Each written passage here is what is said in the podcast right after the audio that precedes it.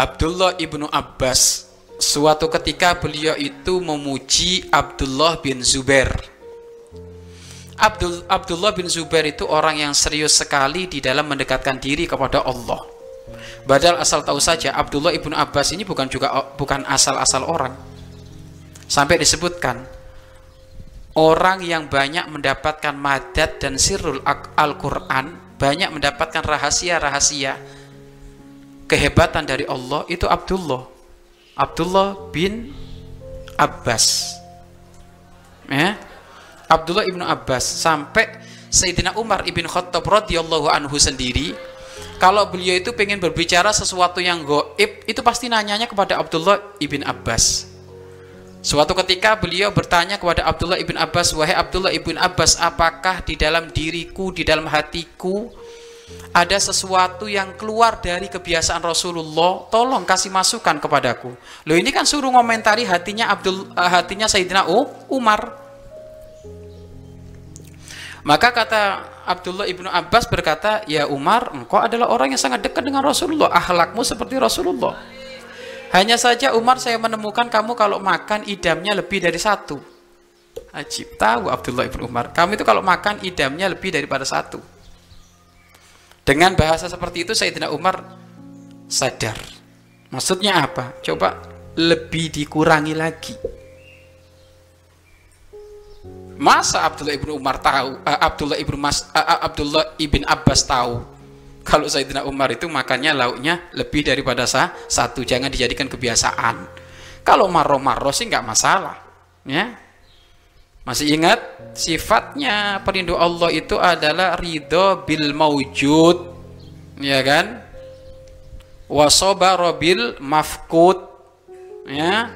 Ridho dengan yang ada dan sabar dengan yang tidak ah, tidak ada. Kalau ada ya alhamdulillah. Kalau tiba-tiba inti bisa makan di situ ada tempe, tahu, ayam, ya alhamdulillah.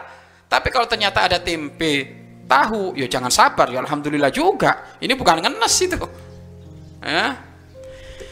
Lah, Abdullah ibn Zubair pernah suatu ketika ditengok oleh Abdullah ibn Abbas. Abdullah ibn Abbas itu pengen suatu ketika bangun malam itu pengen ke Masjid Nabawi Akhirnya datanglah ke Masjid Nabawi, ditemukan Abdullah ibn Zubair lagi sholat. Aku selesai baca Al-Quran 10 juz, kata Abdullah ibn, Mas, Abdullah ibn Abbas. Abdullah ibn Zubair belum kelar-kelar dia, masih tetap berdiri. Sudah baca 10 juz, Abdullah bin Zubair masih tetap dalam keadaan berdiri. Kok ajib ini Abdullah bin Zubair ini. Selesai sampai empat rokaat satu satu rokaatnya sepuluh juz itu. Abdullah ibn Abbas. Tapi melihat Abdullah ibn Zubair nggak selesai selesai sampai empat rokaat selesai Abdullah ibn Abbas tetap melihat Abdullah bin Zubair belum kelar dari berdirinya. Esokan harinya ya sudah ditinggal karena lama sekali ditinggal soal Abdullah ibn eh, Abdullah ibn Abbas. Besoknya lagi ketemu dia lagi rukuk. Saya melakukan sholat sama empat rakaat kayak kemarin. Rokoknya nggak kelar-kelar saya empat rakaat udah kelar. Dan keesokan harinya diketemukan lagi oleh Abdullah ibn Abbas beliau lagi dalam keadaan sujud Abdullah bin Zubair selesai aku melaksanakan empat rakaat dia masih selesai, belum selesai dari sujudnya Akhirnya ditanya, kamu ibadah, ibadah begitu dahsyat seperti itu? Iya, aku membagi ibadahku kepada Allah dengan tiga model. Satu, aku perpanjang berdirinya. Dua, aku perpanjang rukuknya. Dan tiga, aku perpanjang sujudnya. Jadi ibadahnya Abdullah bin Zubair itu di saat menghadap kepada Allah itu dibagi seperti itu. Kalau kita apanya yang cepat? Apanya yang cepat, apanya yang lama kalau kita? Hah?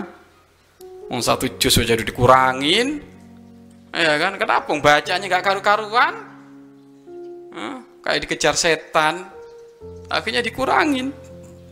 Hah? Beda kita, nak. Masya Allah. Ya itulah perindu Allah itu kayak gitu, merasakan nikmat kalau dia sudah berdiri dengan Allah. Kalau kita kan nggak merasa nikmat kalau di saat di depan HP, laptop ya. Itu berjam-jam itu